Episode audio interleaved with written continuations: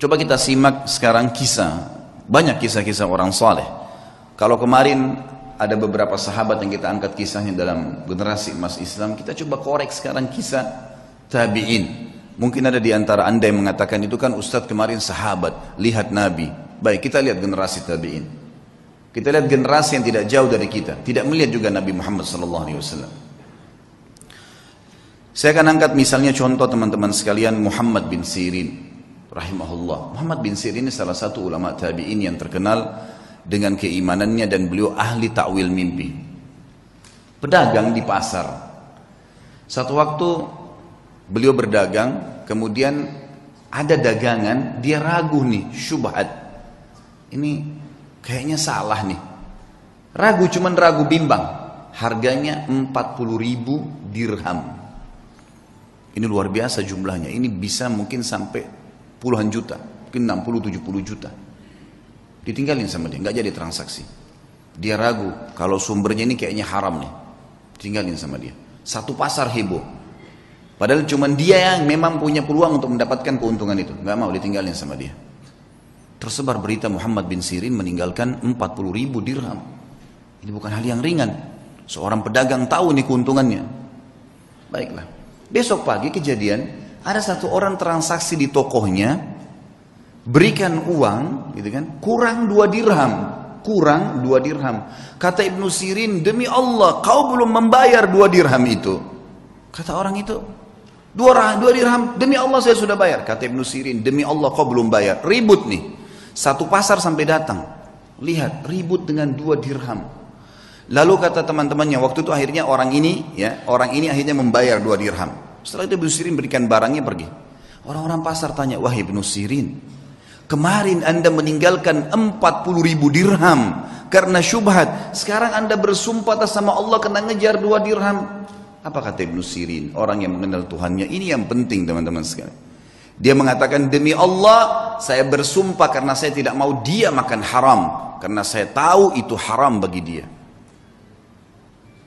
Dia tinggalkan 40 ribu dirham yang bisa dia dapatkan. Kadang-kadang kita, Allah nanti aja deh.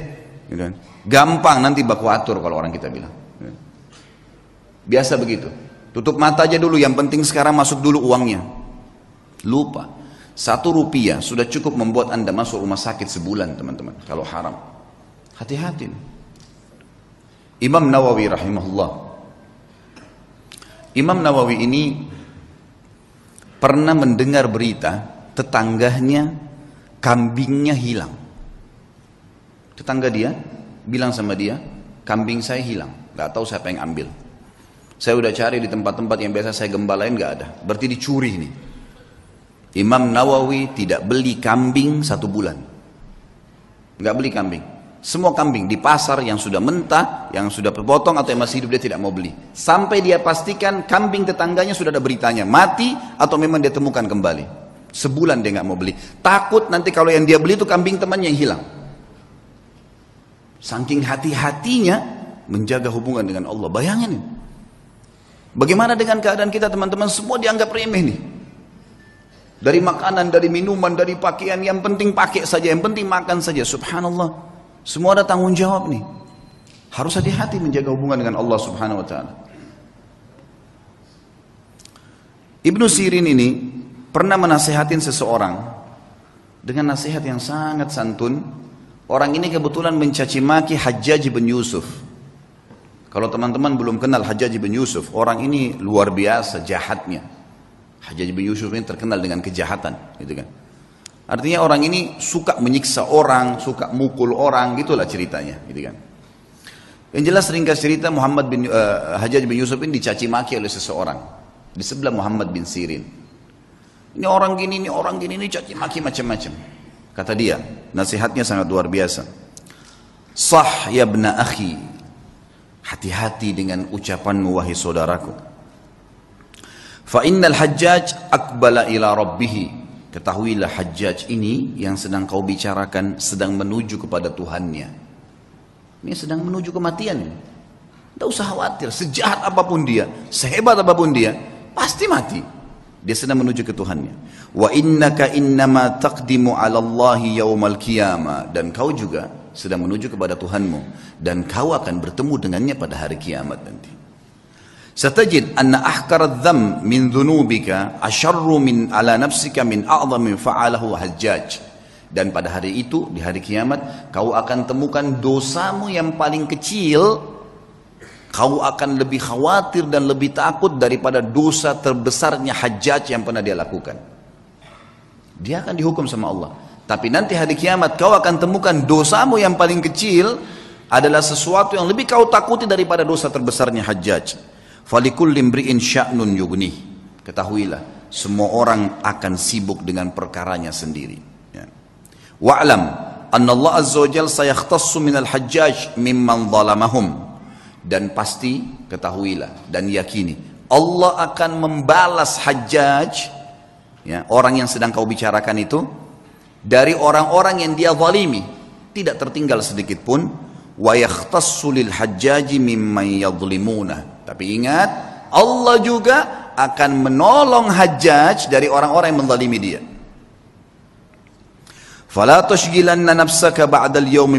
Ahad. Oleh karena itu mulai hari ini berhenti mencaci orang lain nasihat yang luar biasa karena orang kenal Tuhannya Orang buruk pun jangan ceritain, tidak usah urus urusannya orang. Sudahlah, gitu kan. Tugas kita kalau kita lihat aib pada diri orang, alhamdulillah nggak ada pada saya. Ya Allah berikan dia hidayah. Cukup sebatas itu saja. Jangan lebih. Kenapa dia begini? Kenapa dia begitu? Kenapa dia begini? Untuk apa kamu campurin itu? Apa gunanya buat kamu? Ingat, dia akan berhubungan sama kita di hadapan Allah dengan keadilannya Allah. Kezaliman yang dia lakukan sama kita, kita akan ambil. Tapi kezaliman kita pada dia juga dia akan ambil. Gak ada yang tersembunyi hari kiamat. Kisah yang lain. Muhammad bin Sirin, masih Muhammad bin Sirin. Kita akan saya akan sebutkan beberapa figur. Muhammad bin Sirin ada tiga kisah yang saya angkat. Tadi kisah kedua, kisah ketiga teman-teman sekalian. Muhammad bin Sirin ini pernah membeli madu. Madu ini kebetulan dibeli satu gentong besar. Kalau gentong di zaman dulu itu mungkin ya bisa menampung sekitar 200 kilo madu. Sampai 250 kilo madu. Waktu dia beli dia taruh di gentong rupanya malam hari atau dia tidur dia lupa tak tutup gentong itu. Masuk tikus. Tikus ini masuk ke madu masuk dan ini madu diambil karena jumlahnya banyak jatuh tempo Muhammad bin Sirin rahimahullah lupa tutup, masuk tikus, tikusnya waktu dia bangun pagi, dilihat mati di madu itu, nggak bisa keluar, melengket, mati. Muhammad bin Sirin rahimahullah mengambil madu itu semuanya dibuang. Dibuang, sengaja cari sungai, dibuang. Dia bukan buang biasa, dibuang di sungai supaya mengalir gitu. Orang-orang semua datangin, wahai Muhammad bin Sirin. Tinggal kamu angkat tikusnya, yang lainnya jual. Kenapa kok harus semuanya dibuang? Apa jawaban dia? Demi Allah saudaraku, aku tidak tahu tetesan mana madu yang kena bakteri, yang kena kotorannya najisnya tikus itu. Sehingga saya jual pada seseorang dan saya menipunya. Gitu. Maka saya lebih baik rugi semuanya daripada saya dihisap sama Allah hari kiamat. Luar biasa imannya. Dibuang, dialirkan semua. Kisahnya berlanjut subhanallah. Pemilik madu datang. Nagi Beberapa waktu kemudian, wahai Ibnu Sirin, tagihannya. Kata Ibnu Sirin, saya belum punya uang. Kata dia, baiklah. Bagaimana jalan keluarnya? Ibnu Sirin bilang, kasih saya waktu, beberapa waktu saya akan bayar. Baiklah, dikasih waktu. Berjalan waktu, sama Ibnu Sirin dengan hikmah Allah belum punya duit. Orang ini hanya mengeluh kepada hakim. Hakimnya manggil, Muhammad bin Sirin ulama besar, dipanggil. Dihormatin di pengadilan lalu dikatakan, wahai Ibnu Sirin, Bagaimana kasus Anda? Dia bilang hukum di tangan Anda. Ceritanya begini. Dan memang saya belum punya apa-apa. Kata hakim kalau begitu Anda akan dipenjarakan. Kata Ibnu Sirin lakukan. Penjarakan. Dipenjarain Ibnu Sirin. Sampai tunggu siapa yang bisa bayarin buat dia gitu. Subhanallah, penjaga penjara tahu siapa Ibnu Sirin, ulama besar. Kata penjaganya apa? Wahai Ibnu Sirin, kalau malam hari, pulanglah tidur dengan keluarga Anda, pagi silakan Anda kembali ke sini. Kira-kira bagaimana tuh kalau kita ditawarin begitu? Penjaga penjara silakan pulang ke rumah, nanti pagi datang lagi ke sini. Gitu. Begitu terus di penjara. Kata Ibnu Sirin, demi Allah sambil pegang kerangkengan penjaranya, demi Allah ya saudaraku, saya tidak akan tolong kamu masuk ke neraka. Saya akan tinggal di sini sampai utang saya terbayar. Gak mau keluar. Baca Al-Quran, sholat malam. Sampai akhirnya orang-orang satu Baghdad datang membayarkan dia. Didengar ceritanya dibayarin. Ya. Lunasin utangnya sampai dia keluar. Tapi bagaimana mereka mengetahui hubungannya dengan Allah Subhanahu wa taala? Dan ini satu hal yang mahal teman-teman sekalian, mahal sekali. Ini hanya bisa didapatkan bagi jiwa-jiwa yang suci, yang bersih, yang mau memang berhubungan dengan Tuhannya. Dan Allah Azza wa ini zat yang kalau memberi selalu dalam Al-Quran bahasanya apa? Bighairi hisab. Innama yulaqqas sabiruna ajrahum bighairi hisab. Selalu ada kalimat bighairi hisab, bighairi hisab. Bighairi hisab itu tanpa ada hitungan.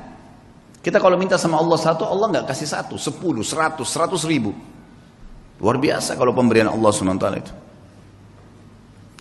Saya pernah punya pengalaman pribadi teman-teman sekalian di Jakarta.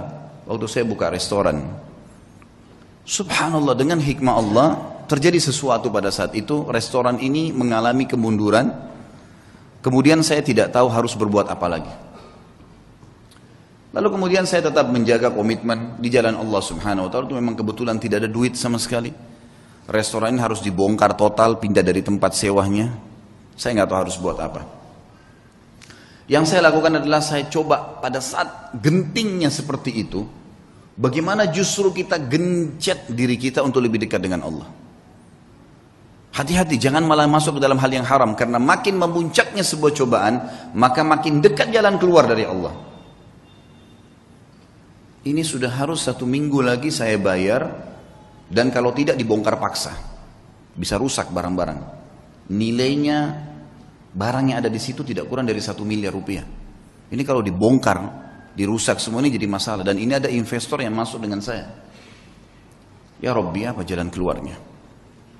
Coba saya menghubungi ayah saya. Kebetulan Alhamdulillah beliau masih hidup. Tolong doain saya. Mudah-mudahan ada jalan keluarnya. Kemudian saya coba juga melakukan hal-hal yang saya mampu ibadah kepada Allah SWT sambil tetap saya sabarin. Tunggu sampai titik terakhir. Subhanallah, waktu itu kejadian hari Senin, hari Sabtu, hari Sabtu, hari Jumat, hari Jumat. Itu kalau saya tidak punya informasi jelas, maka akan dibongkar paksa dan ini akan dibongkar saya nggak tahu mau taruh di mana barang-barang yang penuh. Jumlah apa luasan restoran 163 meter yang sangat besar penuh dengan barang-barang. Mau ditaruh di mana nih? Ada coolernya ada chillernya ada macam-macam. Subhanallah hari Rabu saya pengajian malam di Blok M Square di Jakarta. Ada satu jemaah saya jazakallah khair beliau rupanya penggemar ceramah tapi sering dengar di YouTube tinggal di Perancis orang kita beliau datang bukan WhatsApp ke saya Ustaz saya lagi mau ke Jakarta, saya lagi di Jakarta, saya ingin hadir langsung ceramahnya Ustaz. Oh fadlan, silakan antum datang ke Blok M Square hari Rabu malam ini.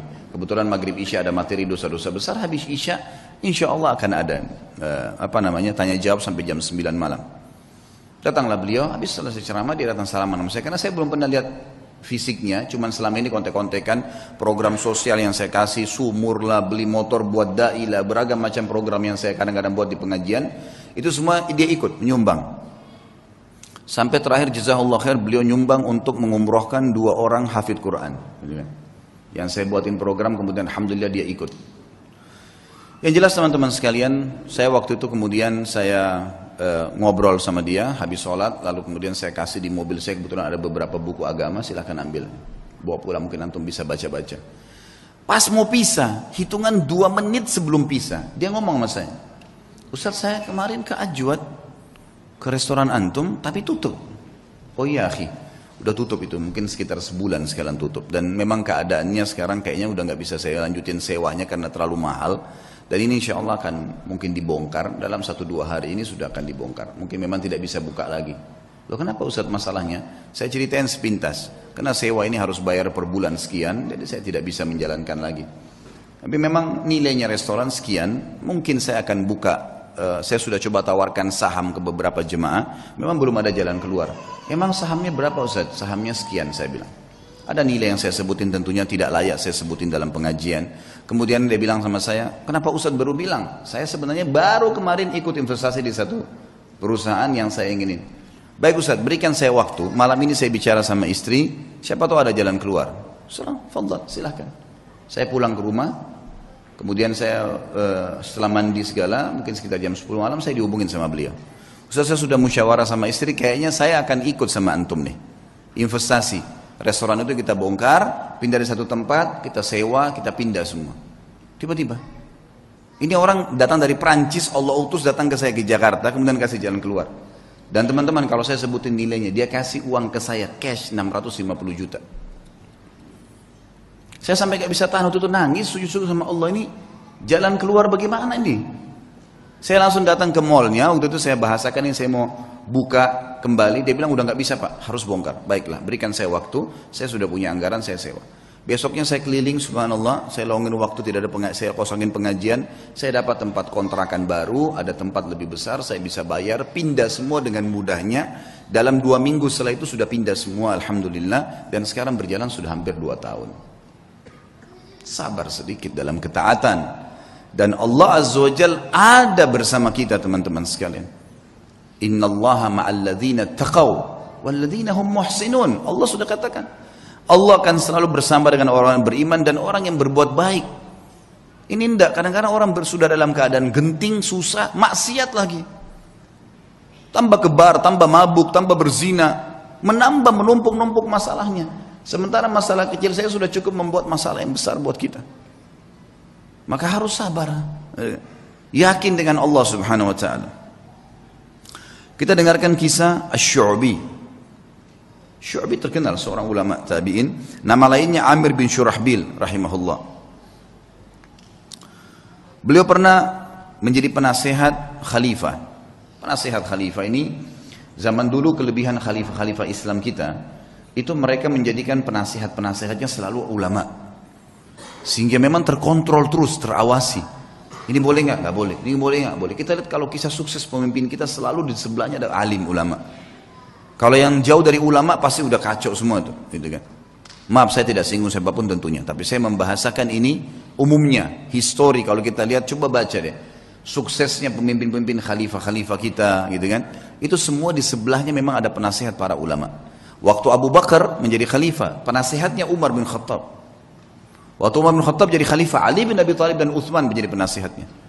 Waktu Uthman bin Affan, Abdurrahman bin, uh, uh, uh, uh, yang menjadi penasihatnya Ali bin Abi Thalib dan Talha, maaf, dan Sa'ad bin Abi Waqqas. Terus begitu, mereka saling meminta orang-orang di sebelahnya jadi penasihat. Subhanallah, khalifah ini sangat terkenal dengan kesolehannya. Abdul Malik bin Marwan namanya. Saleh dia, dia jadikan penasihatnya Syu'bi. Syu'bi seorang ulama yang terkenal. Ulama hadith, ulama fikih dan seterusnya. Pernah satu waktu khalifah ini menahan sebagian orang tapi belum jelas. Orang ini salah atau enggak. Penjarain dulu deh, gitu kan. Dipenjarain dulu untuk memastikan orang ini salah atau tidak. Gitu.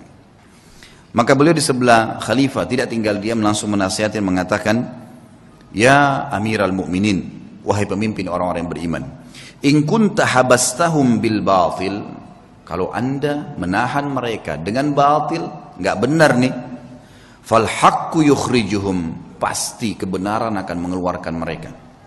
Wa in kunta habastahum bil haqq fal afu yas'auhum. Kalaupun Anda menahan mereka karena mereka salah, maka Allah lebih memuji sifat memaafkan. Nasihat yang luar biasa. Maka Abdul Malik pun rahimahullah langsung memaafkan orang-orang tersebut, menyelesaikan hak-haknya orang yang diambil, ya. Tentu kebutuhan pada saat itu bukan hal mencuri, bukan hal yang apa ya.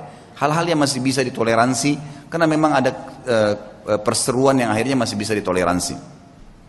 Akhirnya dimaafkan oleh Abdul Malik, tapi posisi di sini Syu'bi menasehatinya. Pernah satu waktu Syu'bi ini diutus oleh Abdul Malik bin Marwan menuju ke Kaisar Romawi. Kisah yang kedua tentunya. Pada saat dia pergi ke Kaisar Romawi, teman-teman sekalian, pas tiba di sana, Kaisar Romawi heran dengan kecerdasan Syu'bi. Dengan dua hari di, di, di sana Romawi, dia sudah bisa tahu berapa jumlah kamar, eh, Eh, bangunan ini dari apa komposisinya, tamannya seluas apa. Banyak hal yang aneh-aneh yang ditahu oleh Syu'bi. Dalam dua hari di istananya gitu. Lalu dia kagum dengan kecerdasannya. Maka dia ingin buat kekacauan nih. Dia kirim surat. Surat ini dia bilang kepada Syu'bi, wahai Syu'bi, kasih ini kepada khalifahmu. Jangan buka, kasih ke dia. Dia bilang baiklah. Syubi menjaga amanah dikasih kepada Amir Mu'minin Abdul Malik. Lalu waktu dibuka tulisannya begini. Dari Kaisar Romawi kepada yang terhormat Raja Muslim Abdul Malik bin Marwan. Saya melihat bahwasanya orang yang sedang kamu utus ini sangat cerdas. Dan kayaknya dia yang paling layak menjadi khalifah. Gitu. Bahasa begitu. Lalu Abdul Malik ini menutup surat lalu mengatakan kepada Syu'bi, apa kau tahu apa yang terjadi? Surat ini apa isinya? Dia bilang, demi Allah tidak wahai Amir Mu'minin. Amanahnya adalah titipin surat ini kasih ke Amir Mu'minin. Kira-kira kalau kita tahu isi suratnya seperti itu masa kita mau kasih ke khalifah? Gitu ya. Kalau secara akalnya. Memang dia nggak buka. Apa adanya. Dan orang yakin kepada Allah Subhanahu wa taala. Sehebat apa pun tipu daya yang dibuat oleh manusia, wa makaru wa makarallah wallahu khairul makirin mereka mengatur tipu daya dan Allah juga mengatur tipu daya. Dan Allah sebaik-baik pengatur strategi tipu daya. Mau ke mana dia muter-muter mau ke mana dia buat data-data palsu? Surat-suratnya sampai ke mana gitu. Ya. toh kapasitas perutnya cuma makan dua piring. Tempat tidurnya cuma satu kali dua meter. Dan pada saat mati cuma membawa kain kafan. Mau dibawa ke mana tuh mobil yang dibeli dari uang haram? Tas-tas bermerek, dompetnya, makanan-makanan mewah yang dia makan akhirnya jadi kotoran dan jadi penyakit buat dia. Kebodohan, karena tidak faham. Ringkas cerita adalah, kata Syobi demi Allah saya tidak tahu Amir Mu'minin. Kata dia, sesungguhnya Raja Kaisar, Kaisar Romawi itu menulis surat mengatakan, kagum dengan kecerdasanmu dan dia berkata, gitu kan, kalau kamu adalah orang yang paling layak jadi khalifah. Kata Syubi, Demi Allah yang bermuminin, karena dia belum kenal anda. Kalau dia kenal anda, pastilah otomatis dia akan tahu bahwasanya anda lebih cerdas daripada saya. Lalu kata Abdul Malik, saya sudah faham apa maksudnya. Lalu kemudian dia kirim surat lagi ke Raja Romawi dan dia berkata, kepada dari Amir Mu'minin uh, Abdul Malik Marwan dan kepada Kaisar Romawi. Apa yang kamu ucapkan itu, ya, sebenarnya sudah saya baca. Kalau kau ingin mengacaukan kerajaan saya, dan ketahuilah, saya dan Syu'bi bersaudara karena Allah dan tidak akan pernah kau bisa masuk di dalamnya. Lalu pengantar surat ini rupanya waktu dia ngantar surat, dia sempat di sebelahnya Raja Kaisar Romawi, dia dengar. Maka dia mengatakan, ya demi Allah kata si Kaisar Romawi tapi dalam bahasa Arab diterjemahkan. Karena mereka juga memanggil Allah, orang-orang Kristen gitu kan. Demi Allah saya tidak ingin kecuali itu, ingin mengacaukan kerajaannya. Tapi hubungan antara seorang mukmin dengan mukmin teman-teman, atasan dengan bawahannya, tidak mudah dikoyahkan kalau dia kenal Allah Subhanahu wa taala. Orang ketiga datang membuat fitnah, membuat apa, semuanya tidak akan ada masalah buat dia. Kisah yang lain Atha bin Abi Rabah rahimahullah. Atha bin Abi Rabah ini teman-teman sekalian pernah Tentu Atha ini sedikit saya berikan gambaran dan ulama mengatakan dalam ilmu jar wa dalam uh, ilmu hadis kita boleh uh, ada hal-hal yang boleh disebutkan kalau berhubungan dengan kekurangan seseorang kalau memang itu ciri khasnya. Atau sesuatu yang kalau disebutkan tanpa menyebutkan nama pun nah ini masuk bukan dalam ghibah. Yang jelas ulama menyebutkan ciri fisik di sini seperti mereka menyebutkan Nabi SAW jarbu tidak tinggi tidak pendek. Itu bukan aib. Atha bin Abi Rabah ini seorang budak hitam kulit hitam disebutkan dalam buku-buku tentang penjelasan biodata beliau orangnya kurus kaki kanannya pincang mata kanannya rusak fisiknya sangat kurang rahimahullah. Tapi waktu Atta bin Abi Rabah menjadi khali, menjadi uh, ulama khalifah waktu itu Sulaiman bin Abdul Malik. Adiknya tadi Abdul Malik bin Marwan itu eh anaknya Abdul Malik bin Marwan waktu sudah meninggal ayahnya dia jadi khalifah. Sulaiman bin Abdul Malik ini orangnya baik khalifah dan suka dengan alim ulama. Dia mengeluarkan peraturan kalau tidak boleh mengeluarkan fatwa di musim haji kecuali Atta bin Abi Rabah. Orang alim ulama karena ini dalam haji tidak boleh sembarangan nih. Sampai Atta bin Abi Rabah dapat julukan ya alimnya ulama, gurunya para ulama. Ulama-ulama pun kalau datang di Mekah banyak meminta nasihat dari beliau. Atta bin Abi Rabah ini rahimahullah di musim haji datanglah Sulaiman ibn Abdul Malik khalifah dengan anaknya, dengan ketampanannya, dengan dayang-dayangnya, dengan kebesarannya, buka kemah besar, kemudian masuklah ukuf di Arafah. Sementara wukuf, Abdul Malik uh, Sulaiman mengatakan, di mana sahibuk? Aina sahibukum? Mana nih teman kalian nih? Biasanya kalau bahasa sahibukum ini santun dari khalifah untuk uh, mufti, ya, untuk muftinya. Atau bin Abi Rabah ada di mana? Kata mereka Amir Mu'minin lagi di kemahnya, lagi menunggu orang-orang yang lagi antri. Oh, lagi antri bertanya gitu. Dia bilang saya punya hajat, saya ingin datang ke sana. Baiklah, Sulaiman datang. Sulaiman ini dia dia menunjuk si ya atau Amir Abi Rabah jadi hak, jadi jadi mufti, dia yang memberikan gaji, gitu kan? Pemimpinnya lah. Ya. Dan waktu itu khalifah. Dan perlu diketahui Sulaiman belum lagi di zamannya ini khilafah Umayyah jadi luas sekali, luar biasa gitu kan. Kuasanya sangat luas karena ayahnya juga punya kekuatan militer yang besar.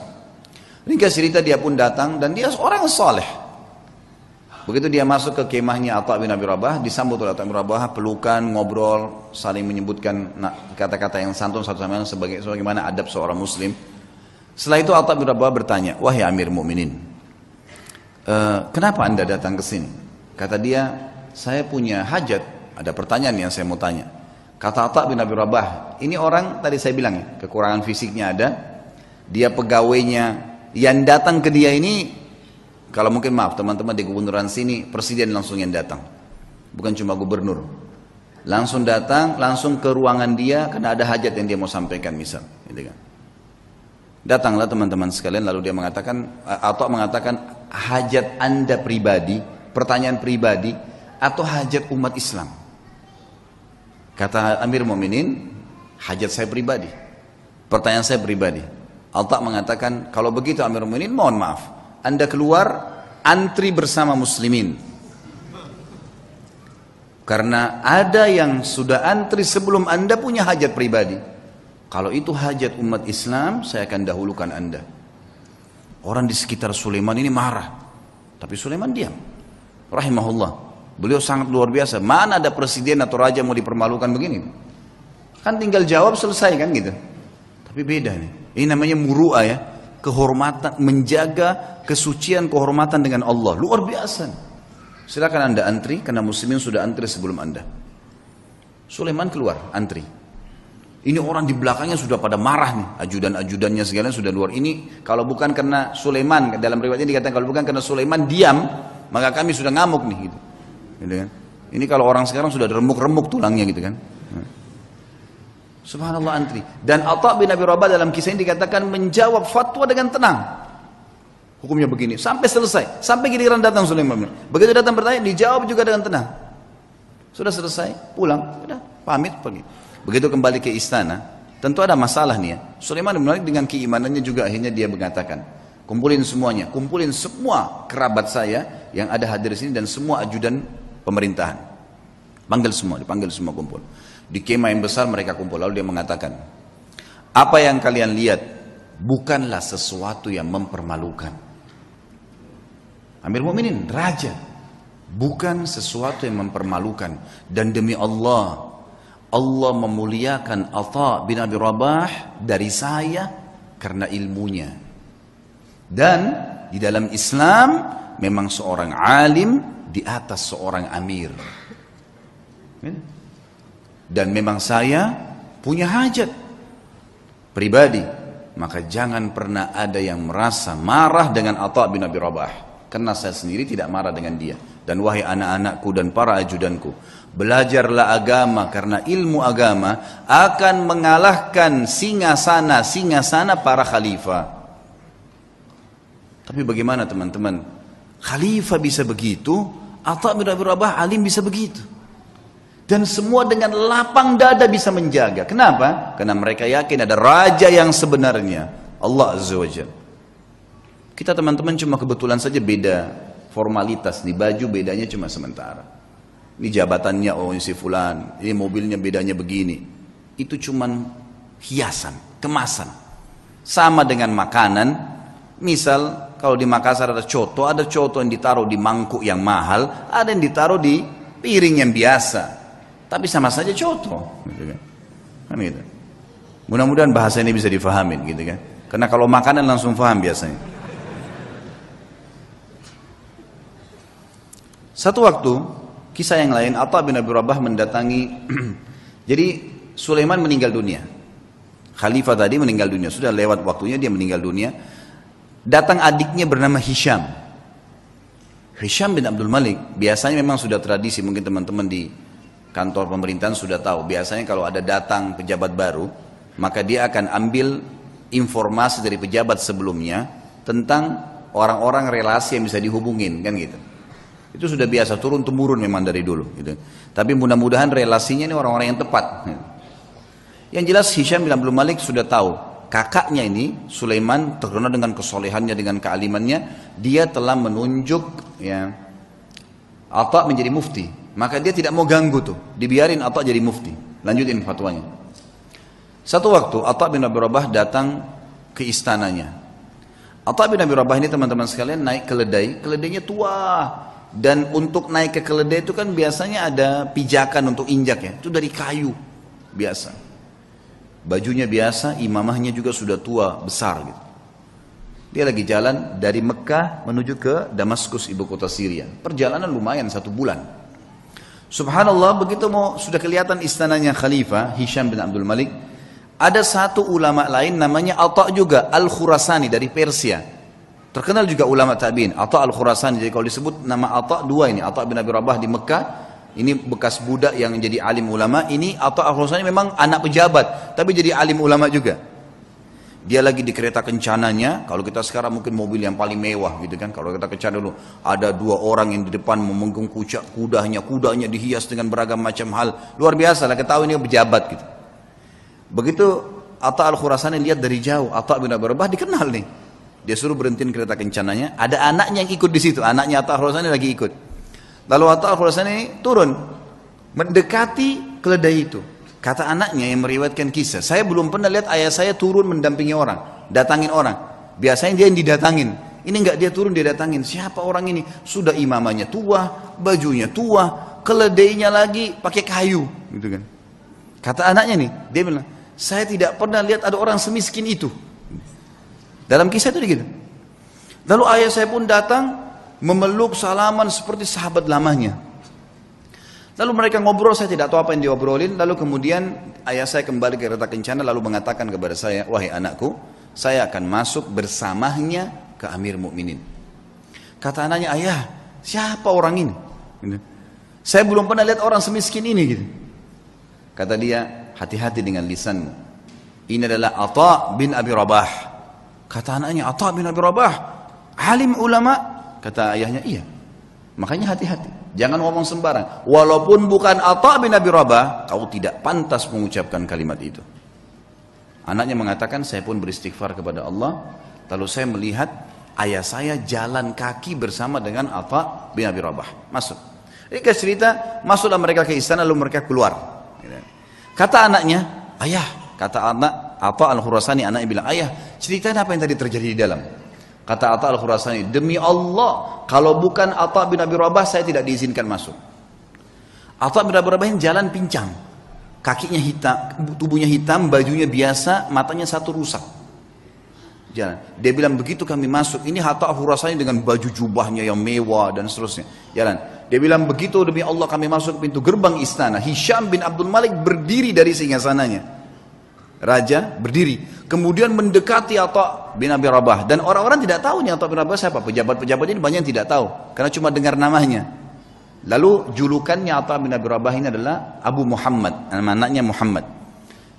Hisham mengatakan Hahuna Aba Muhammad. Ke sini ayah-ayahnya Muhammad Atta bin Abi Rabah setiap mau mampir ke sebuah kursi dia bilang, "La, hahuna Aba Muhammad." Dirangkul terus tangannya kata Atta Al-Khurasani. Begitu sudah dekat dengan singgasananya lalu kemudian saya dipersilakan duduk, Atta Khurasani dipersilakan duduk. Lalu Atta bin Abi Rabah demi Allah didudukkan di sebelah singgasana khalifah. Sebelahnya pas. Dan belum pernah singgasana khalifah diduduki oleh orang lain termasuk anaknya khalifah. Enggak boleh duduki singgasana itu. Hisham mengajak Atta bin Rabah yang luar biasa begitu kehidupannya tadi, kondisinya duduk di sebelahnya. Lalu kata Hisham, Ya Aba Muhammad, ada hajat apa? Kata dia, ada hajat saya. Hajat yang pertama dia bilang, penduduk Mekah dan Madinah wahai Amir Mu'minin, tetangganya Allah dan tetangganya Rasulullah sallallahu alaihi wasallam. Karena di Mekah ada Ka'bah, berarti orang yang tinggal di Mekah kan tetangganya Allah, bahasa santunnya begitu. Di Madinah ada rumah Nabi SAW walaupun ada kuburannya beliau sekarang sudah jadi kuburan tapi kan rumahnya Nabi masih ada. Kan masuk dalam masjid. Tetangganya Rasulullah SAW terlambat ataya mereka. Ataya ini kayak pemberian yang diberikan oleh kerajaan ya dari eh, dari dari khilafah diberikan kepada masyarakat semua kaya atau miskin semua dapat dari hasil pendapatan negara nanti dikeluarkan untuk kebutuhan negara kemudian sisanya dibagi rata. Itu haknya masyarakat. Penduduk Mekah dan Madinah tetangga dengan Rasulullah SAW terlambat ataya mereka. Maka saya mengingatkan anda kepada Allah agar memberikan kepada mereka. Baik.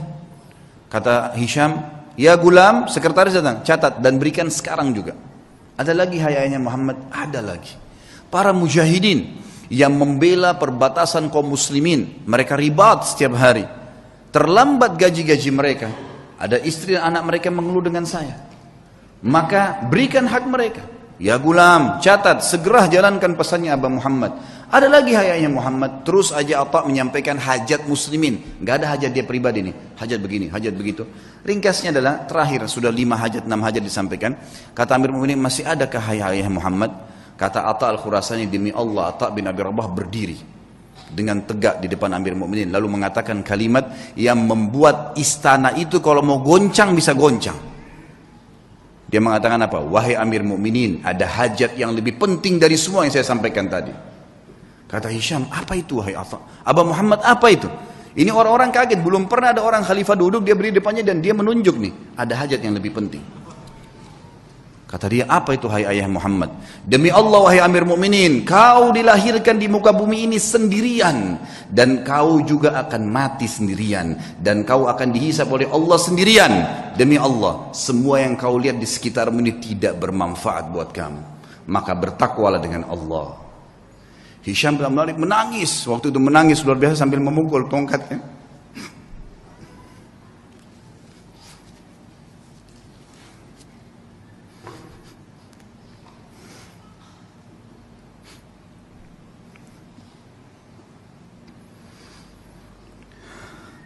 Nah, Hisham bin Malik akhirnya memukul tongkatnya sambil menangis teman-teman sekalian. Lalu mengatakan jazakallahu khairan. Semoga Allah balas anda dengan kebaikan. Gitu. Setelah itu kemudian kata Atta al-Husani, kami pun keluar. Dan demi Allah Atta, al Atta bin Abi Rabah tidak minum segelas air pun dari Amir Mu'minin. Tidak minum segelas air pun. Dan waktu kami tiba di pintu gerbang, maka dikejar oleh seorang sekretaris untuk memberikan dia sekantong uang emas maka Atta mengatakan demi Allah saya datang bukan untuk ini. Kemudian ditinggalkan. Lalu kemudian Atta bin Abi Rabah pulang teman-teman sekalian hanya untuk menasihat nasihat di khalifah untuk hajat muslimin dan tidak ada hajat dia sama sekali. Kata Atta al-Khurasani sebagai penutup kisah, demi Allah kalau Atta bin Abi Rabah menyebutkan semua hajatnya maka akan dipenuhi oleh Amir Mu'minin. Itulah kisah yang luar biasa dari seorang Atta bin Abi Rabah yang luar biasa bagaimana menasihati khalifah dan karena Allah Subhanahu wa taala.